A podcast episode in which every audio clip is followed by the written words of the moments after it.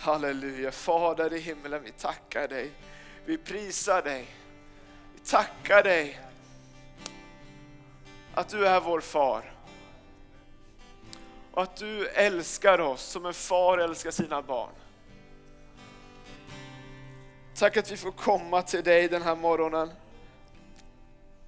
Frimodigt.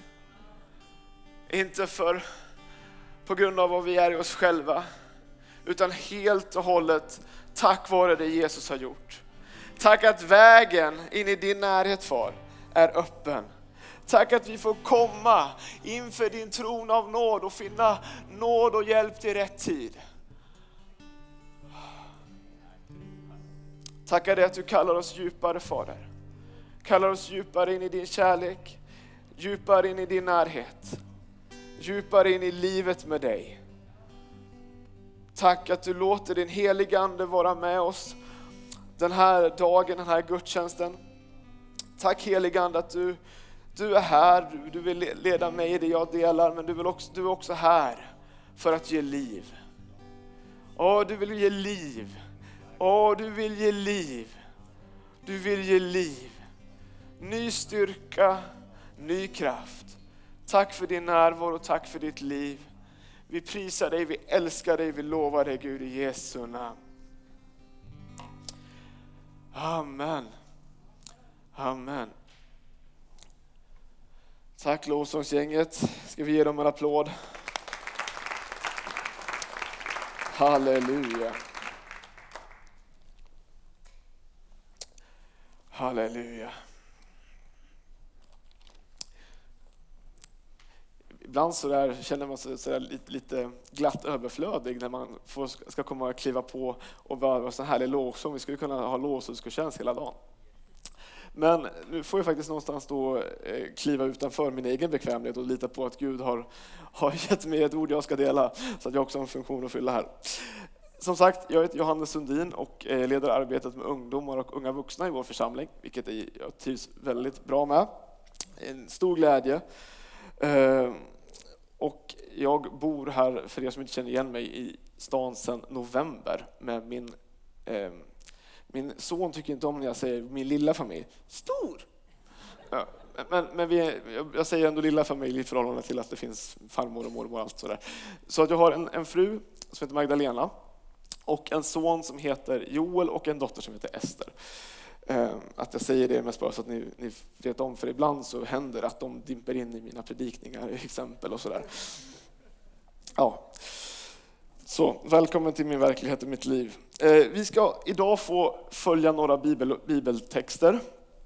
Eh, ja, eh, och det är kanske en, en biblisk gestalt som somliga är bekant med. Eh, men vi tar ingenting för givet. För att är det så att du dessutom är ovan att gå i kyrkan så är du extra välkommen. Det är jättekul om du är här då. Så det är en, det är en man eh, som heter Mose. Jag spoilar det på en gång vem vi pratar om här. Och han, han eh, eh, har en ganska unik bakgrund. Han bor i, Eh, uppvuxen i Egypten typ. Hans folk eh, är slavar i Egypten. Och han det är en historia för sig själv, men han, det blir så att han får växa upp i, i den egyptiska kungens palats. Ehm, så han har, han får liksom en, han har bakgrunden att han är hebreer då, men han, han är uppvuxen som en prins av Egypten. Och så, ja, ibland blir ju inte livet som man har tänkt. Man begår misstag och en del är mer kostsamma än andra. Mose han, han ställer till det riktigt rejält för sig. Han, han, eh, man kan säga att det som är brytpunkten för honom är att han, han eh, ser en, en egyptisk eh, fångvaktare eller på slavdrivare som bara, han tycker att nu går han för hårt på det. Den här hebreiske mannen, det är min, min medbroder. Så Mose han är ju jag tror att det är Guds plan och Guds vilja att Mose ska ha ett uppdrag för sitt liv. Och det har han kanske på känn. Men han, han, eh, han går lite händelserna i förväg och istället för att låta, låta befrielsen från slaveriet komma på Guds sätt så tar han saker i egna händer bokstavligt talat och så klår han ihjäl den här egyptiske mannen. Och han tänkte att ja, men det, det är lugnt, ingen har sett det här. Och så, sen så kommer han dagen efter och så är det några av hans egna då medbröder och säger hörni, bråka inte. Och då får han svaret, vem har satt dig till domare över oss? Liksom? Vad, ska du ta och slå ihjäl mig som du slog, slog, slog ihjäl den här Egypten? Och då insåg han att whoops, loppet är kört, det här är känt. Det, det, förr eller senare så är jag eh, en efterlyst man. Så han tar sitt pick och pack och flyr. Och då när han nu i sin nya tillvaro befinner sig ute och valla får eh, så, så ser han en, eh, helt plötsligt en, en buske. Nu lek med mig att det där är en buske. Och så började den brinna. Jag var ute på en promenad i morse och så tittade jag på avstånd så här och såg jag så här, något som var så svart. Jag tänkte, åh, är det tält? Någon som tältar i skogen i det här vädret, jättemysko. Måste undersöka. Så gick jag närmare, det var inte alls ett tält, utan det var ju en så här, trädrot som hade, från, ett, på ett, från ett träd som hade fallit av blåsten. Men liksom på, förstår ni, på avstånd så såg det ut som liksom en typ tält. Liksom. Så att, men så samma, samma reaktion hade, ju, hade Mose. Måste komma närmare och se vad är det där för någonting. Och så gick han till, till den här busken. Och då så visar det sig att det är Gud. Och när, när, när Gud visar sig så, så påtagligt så är det helig mark. Och Mose får ta av sig sandalerna och så säger, så säger Gud så här. Ifrån Andra Moseboken 3 och vers 9 läser vi några verser bara. Nu har ropet från Israels barn kommit upp till mig och jag har sett hur egyptierna förtrycker dem. Så gå nu, jag ska sända dig till farao och du ska föra mitt folk, Israels barn, ut ur Egypten. Men Moses sa till Gud, vem är jag att jag skulle gå till farao och föra Israels barn ut ur Egypten? Han svarade, jag ska vara med dig. Stanna där bara. Om man nu bara tänker efter att han är inte riktigt gillad av sitt eget folk. Vem är du som ska vara domare över oss? Han är efterlyst av egyptierna. Egentligen är han ju inte sådär på pappret kanske toppenkandidat till att vara den som ska vara förhandlaren mellan hebreerna och egyptierna. Men och Mose han ser också lätt till sin egen begränsning, vilket vi kommer att se så småningom här. Vilket vi också lätt gör. Är det någon mer än jag som kan känna så? Han säger, Åh, ja, ja, det var en bra idé Gud, men ska jag? Nej, ta någon annan. Här är jag sen Hasse.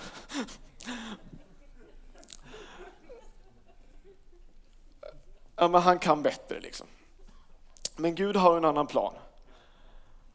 Och alltså Mose han har ju liksom en lite, något av en, en kris här. Vem är jag liksom? Men då får han ju höra det precis det vi nog egentligen allra oftast det enda vi behöver höra. Jag är med dig. Jag går med dig. Jag är med dig.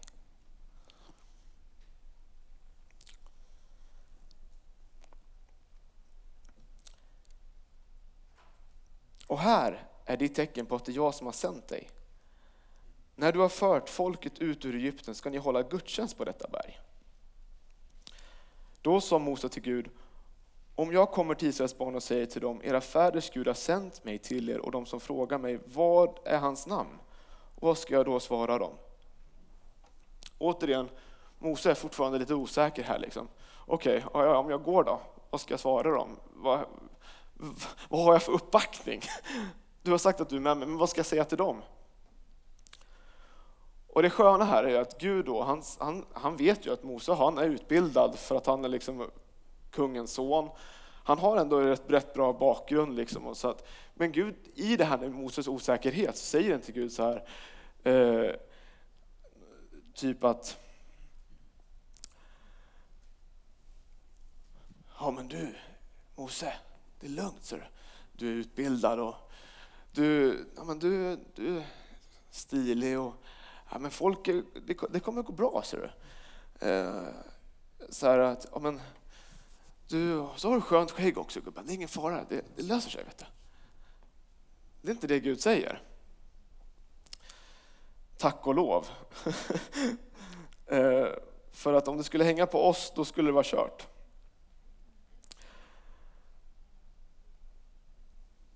Utan Guds svar, Guds lösning är att vem han är istället. Gud säger så här i vers 14 tror jag vi befinner oss nu. Gud sa till Mose, jag är den jag är. Och han fortsatte, så ska du säga till Israels barn, jag är, har sänt mig till er. Och Gud sa sedan till Mose, så ska du säga till Israels barn, Herren era fäders Gud, Abrahams, Isaks, Jakobs och Gud och Jakobs Gud har sänt mig till er. Det ska vara mitt namn för evigt och så ska man kalla mig från släkte till släkte.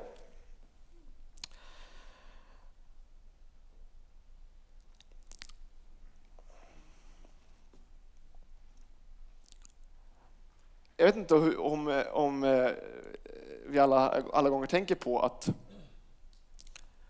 när Gud kallar Mose så står det ju här att jag har hört att de har ropat till mig om befrielse.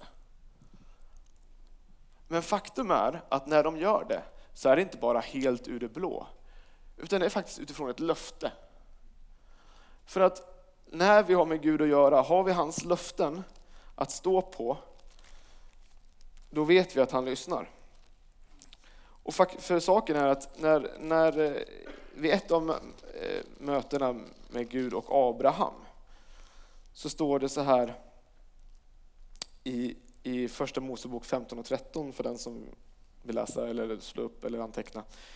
Så står det så här, och Herren sa till Abraham, du ska veta att dina efterkommande ska bo som främlingar i ett land som inte är deras, där man ska göra dem till slavar och förtrycka dem i 400 år. Men det folk som gör dem till slavar ska jag döma och sen ska de dra ut med stora ägodelar. Varför säger Gud en sån sak? Jo, men jag tror att Gud, han vet vad vi går igenom. Och han visste långt på förhand vad du och jag skulle gå igenom. Och då när han låter oss få veta det, ja men det finns fler exempel i Bibeln, men som Paulus, han bara, överallt dit jag går så får jag veta att jag ska få bli fängslad. Att det är bojor som väntar. Men varför säger Gud en sån sak? Det är ju inte något roligt att höra. Nej, men det kanske inte är kul. Men det som är, det som är någonstans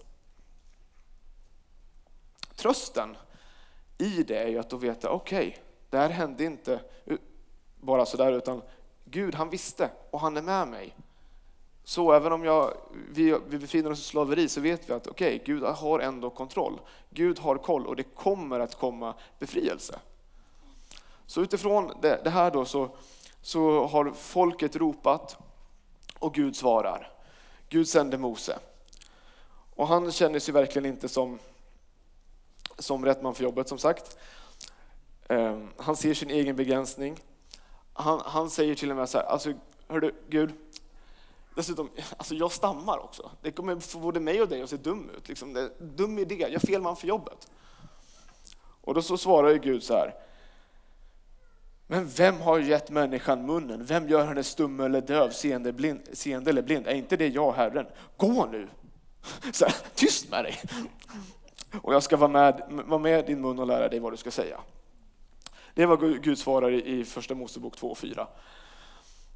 Sen vet vi att, att eh, Mose, han, det, det, det sköna för övrigt är att det här är ju Moseboken, så att Mose har ju själv skrivit det här. Han är rätt ärlig om, om, om sina egna begränsningar och sin egen liksom, ja, knackiga självbild. tycker jag är fint på något vis. Eh, det gör ju att det blir trovärdigt, förstår ni vad jag menar? Eh, men sen så dealar Mose vidare med Gud och till slut så säger Gud, okej, okay, din bror Aron, han får vara ditt språkrör. Ehm, så, nu, nu, nu kör vi. Lite lätt parafras sådär då. Men,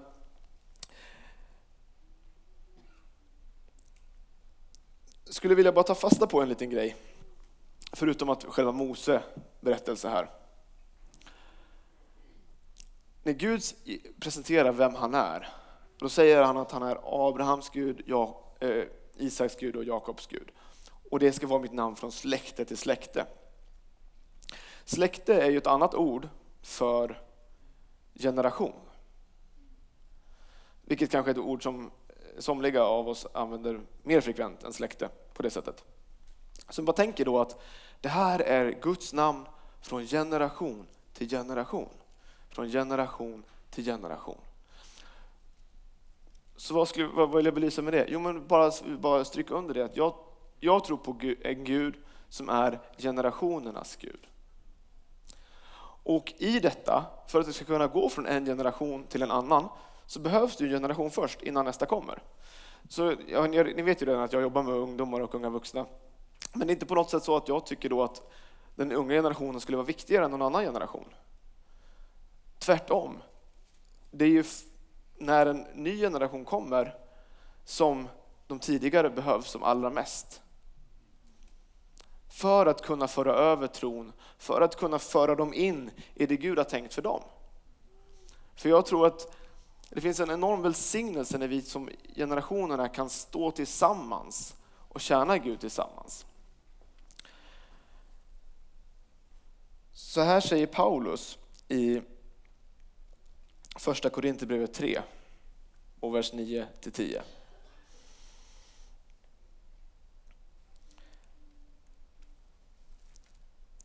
Vi är Guds medarbetare och ni är Guds åker, Guds byggnad. Med den nåd som Gud har gett mig har jag som en kunnig byggmästare lagt grunden och nu bygger en annan vidare på den. Men var och en måste tänka på hur han bygger. Nu, går jag, nu, nu eh, så har min fru avslöjat, avslöjat för mig själv att nu går jag ut på sånt här som jag inte kan. För jag är ingen byggmästare. Men måste, man måste ändå illustrera saker. Eh, så att nu gör vi så här. Humbra-bumbra. Det här är ju varken tegelsten eller någonting man lägger, man, det här är väl någon sån trädgårdssten ni vet. Men, vi, vi, häng med mig nu, vi leker att det här är, vi bygger en mur, en byggnad. Då är det ju så att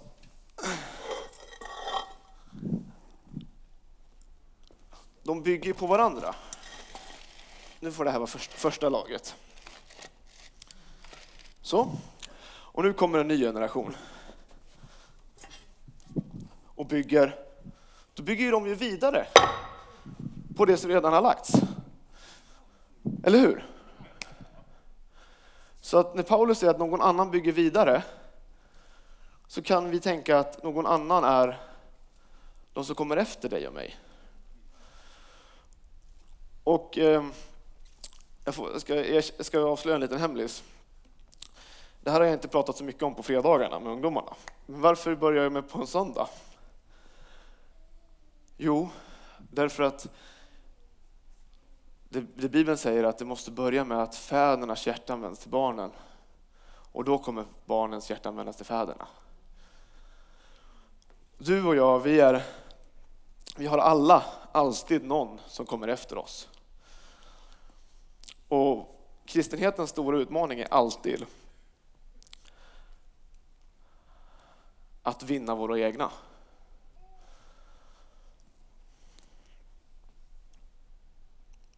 Men vet ni vad?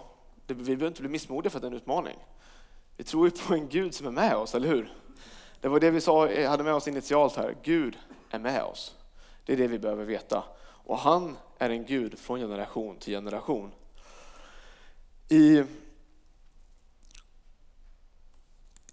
Jesaja 54, vers 13 så står det och alla dina barn ska bli Herrens lärjungar. Det är vad jag tror och ber och tar fasta på för, min, för mina barn och för vår, våra barn i, vår, i församlingen, de, de unga som växer upp. Så är, är ni med mig? Står ni med mig? Vi tror på en Gud som är generationernas Gud. Amen. Amen.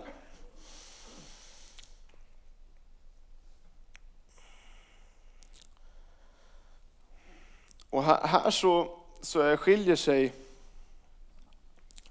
tror jag, Guds syn så enormt från, från vår omvärld.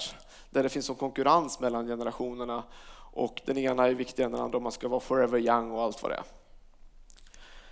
Men i Guds rike så tror jag det funkar så att den ena generationen kan ge liv åt den andra och välsigna, så välsignar vi varandra i en härlig korsbefruktning på något sätt.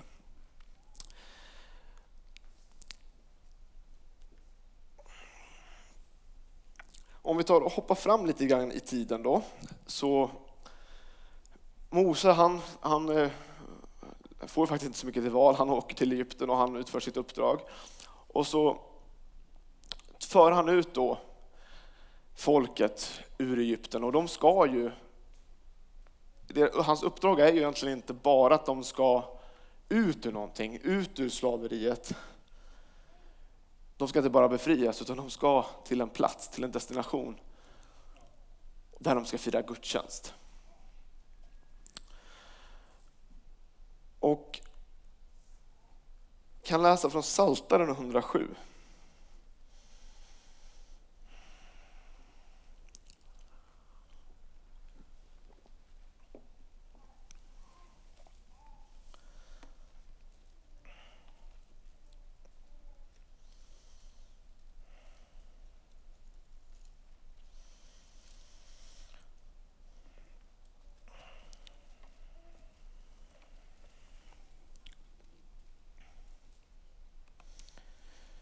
Står att de irrade i öknen på öde stigar.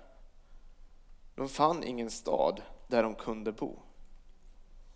De var hungriga och törstiga. Deras själ mattades. Men de ropade till Herren i sin nöd och han räddade dem ur deras svårigheter. Han ledde dem på den rätta vägen till en stad där de kunde bo. De ska tacka Herren för hans nåd och hans under mot människors barn. För han mättar den längtande själen och fyller den hungrande själen med sitt goda.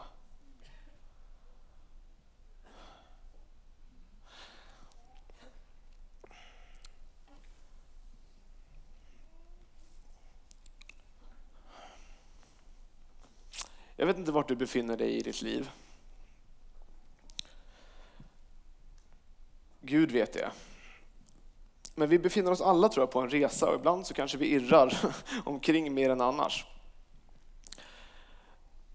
Men ibland så hur som helst så är det så att även om vi är på väg till en plats, till en stad där vi ska kunna bo, det, det, det, liksom den, det, det mål, resmål som Gud har tänkt för dig och mig. Så längs vägen så kan vi bli hungriga och törstiga. Och som sagt, jag lever, min verklighet är, är med min lilla familj och, och jag har liksom burit det här gudstjänsten i mitt hjärta ja, senaste veckan. Och så bara häromdagen så när vi satt vid köksbordet så var det bara ett ord som kom till mig. Mitt bland liksom småbarnsstöket så bara ett ord som var vattenhål. Och det är ett jättekonstigt ord på ett sätt, för det, för det är inget jag brukar tänka på sådär annars. Så, att, men, så då har jag sagt till Gud, men hallå Gud, om det här verkligen är från dig, då får du på något vis låta mig förstå vad det har med saken att göra. Och det har inte riktigt kunnat släppa, så, jag på något, så nu går jag lite så på, på vatten. Och jag, men jag tror att det är så här. Att befinner du dig på en plats i livet att du kanske är lite trött och sliten. Du är hungrig och törstig i din själ. I sådana lägen så behöver vi alla få komma till källan, till vattenkällan, till vattenhålet och få dricka. Och när jag har bett över den här, den här söndagen så, så tror jag att det är så att Gud vill, för den som vill ta emot, vill han låta oss få komma och dricka från källan. Ett bibelord som jag har, har, eh, som har kommit tillbaka till mig också är Jeremia 31.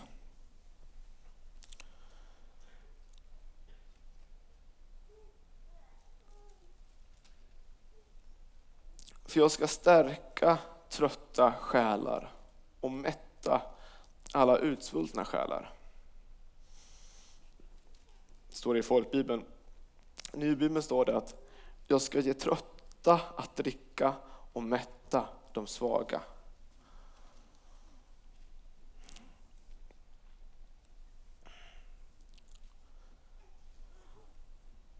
För typ en 10-12 år sedan är det väl nu, så gjorde jag min första termin på universitetsstudienivå. Och eh, villkoren som var där var att vi fick inget studiemedel, vi skulle betala studieböcker eh, och kursavgifter. Så man var tvungen att jobba samtidigt som, som man pluggade. Och jag var fortfarande så ung och, så, och dum att jag inte hade körkort än. Ni vet i Uppsala, där jag kommer ifrån, så, så eh, cyklar man mycket. så att jag hade liksom skjutit på det där med att ta körkort. Men jag skulle göra allt det här på samma gång. Och så skulle jag, fick jag för mig att jag dessutom skulle flytta hemifrån. Ja, det var mycket kan man säga. Så en av de förändringarna hade liksom varit en sak i sig att anpassa sig till.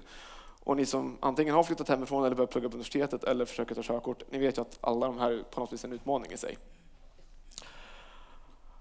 Och det som jag tyckte var jobbigt då var ju att allt gick inte, allt flöt inte. Jag kuggar körkortet, inte bara en gång, utan ja, vi har en av, en av mina fina ungdomsledare, tillika lovsångsledare, är körskollärare, så jag vågar inte säga hur många gånger jag kuggar. Men, men jag har körkort idag, så att jag kommer igenom.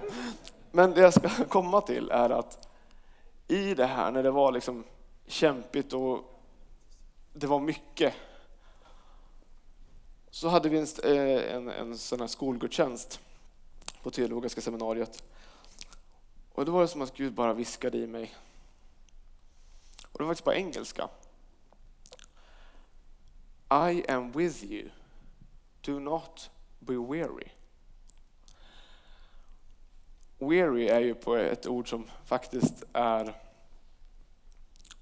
som att man blir utmattad och trött. Och för mig var det just då det enda jag behövde, behövde höra och veta. Okej, okay, det är mycket nu. Jag är på väg att bli utmattad i mig själv. Men okej, okay, du är med mig Gud. Och det betyder det, det finns en väg igenom. Och det räckte för mig. Jag lyckades ta körkortet. Jag behövde aldrig fly hem och flytta hem igen. Och till slut så kom jag även igenom min utbildning. Men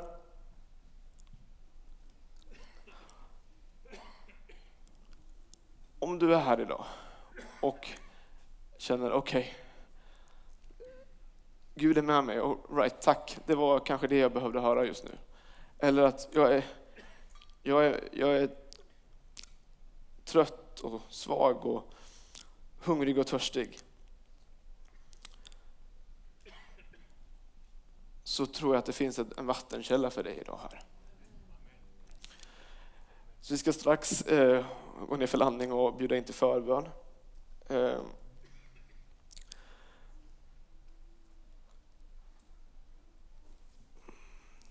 men vi, alla, vi kan alla bli trötta. Men blir vi trötta i Guds verk, för vi, vi tycker ju om att tjäna Gud, eller hur? Så bara, låt oss vaka över våra hjärtan så att vi inte blir trötta på Guds verk. Utan istället då när vi blir trötta, att vi kommer till honom. Han som säger till oss, kom till mig alla ni som arbetar och tyngda av bördor så ska jag ge er vila. Ta på er mitt ok och lär av mig, för jag är mild och ödmjuk i hjärtat. Då ska ni finna ro för era själar. För mitt ok är milt och min börda är lätt.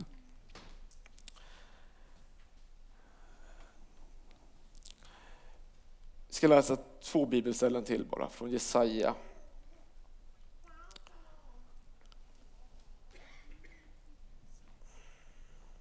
Vers, kapitel 44 och vers 2-3.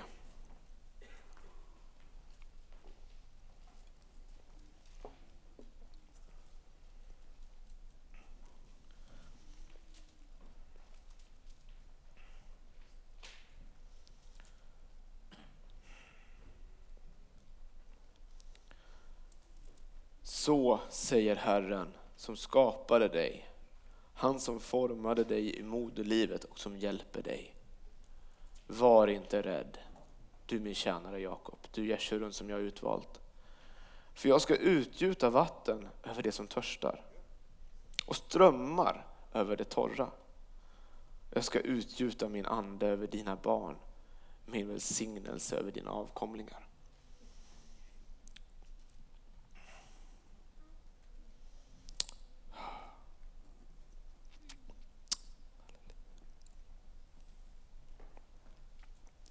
Detta är Guds vilja. Han vill utgjuta vatten, han vill ge levande vatten, friskt vatten. Strömmar av liv över det som är torrt, över det som törstar. Och över våra barn, över vår generation.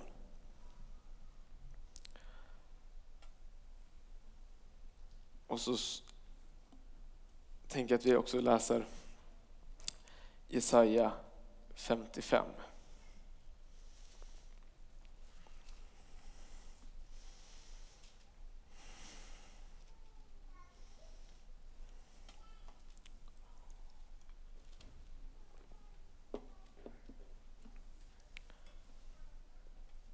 Hör alla ni som törstar. Kom till vattnet. Och ni som inte har pengar, kom och köp säd och ät. Jag kom och köp säd utan pengar och vin och mjölk för ingenting.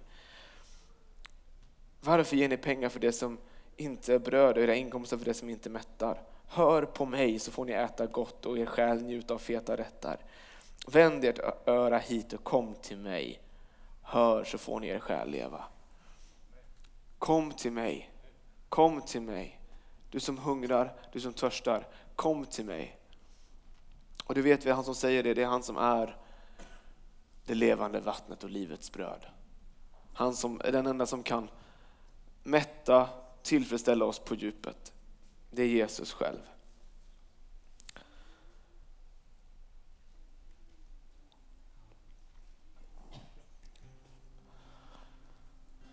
Vi kan ta och ställa oss upp tillsammans.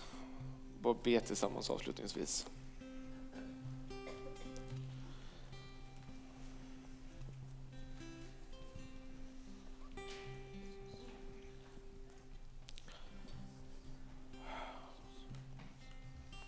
Jag skulle vilja uppmuntra dig att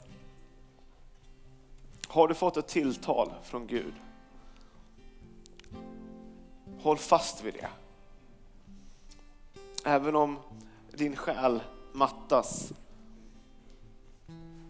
så vill han ge dig nytt liv. Släpp inte taget om det profetiska ordet. Om det Gud har sagt, för det ändras inte. Han är den han är. Han är den han är. Igår, idag och i evighet.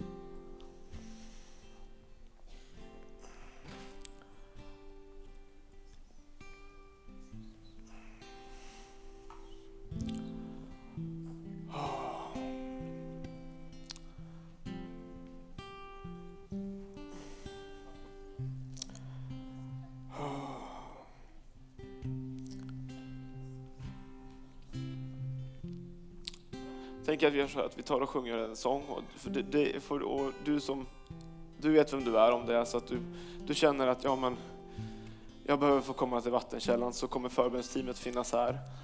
Så du kan få komma fram och få förbön under lovsången. Men innan vi börjar sjunga så kan vi bara ta och förenas med en, i en bön avslutningsvis.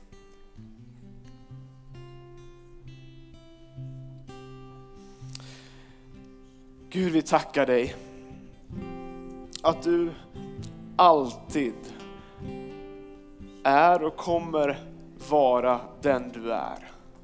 Tack att vi får lita på dig, att din trofasthet består. Tackar dig Gud att du är Abrahams, Isaks och Jakobs Gud. Tack att du är generationernas Gud och att du vill låta den unga generationen få växa upp. Att få vara en generation som murar igen sprickor. Att få vara en generation som bygger vidare på det som andra har lagt en grund. Och tacka dig Gud att du vill ge oss den nåd och vishet vi behöver för att kunna föra in dem i det du har kallat dem till. Fader, jag tackar dig också för att du leder oss var och en på, på den rätta vägen. På den, till en plats som du har tänkt ut att vi ska komma till. Och jag ber far för var och en som kan vara att man befinner sig att jag är trött, jag är hungrig, jag är törstig. Jag behöver få komma till vattenkällan.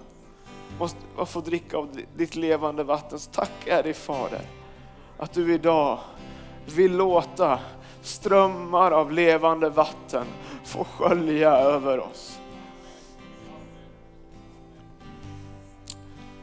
Kom helige Ande, kom och gör det du vill göra. I Jesu namn.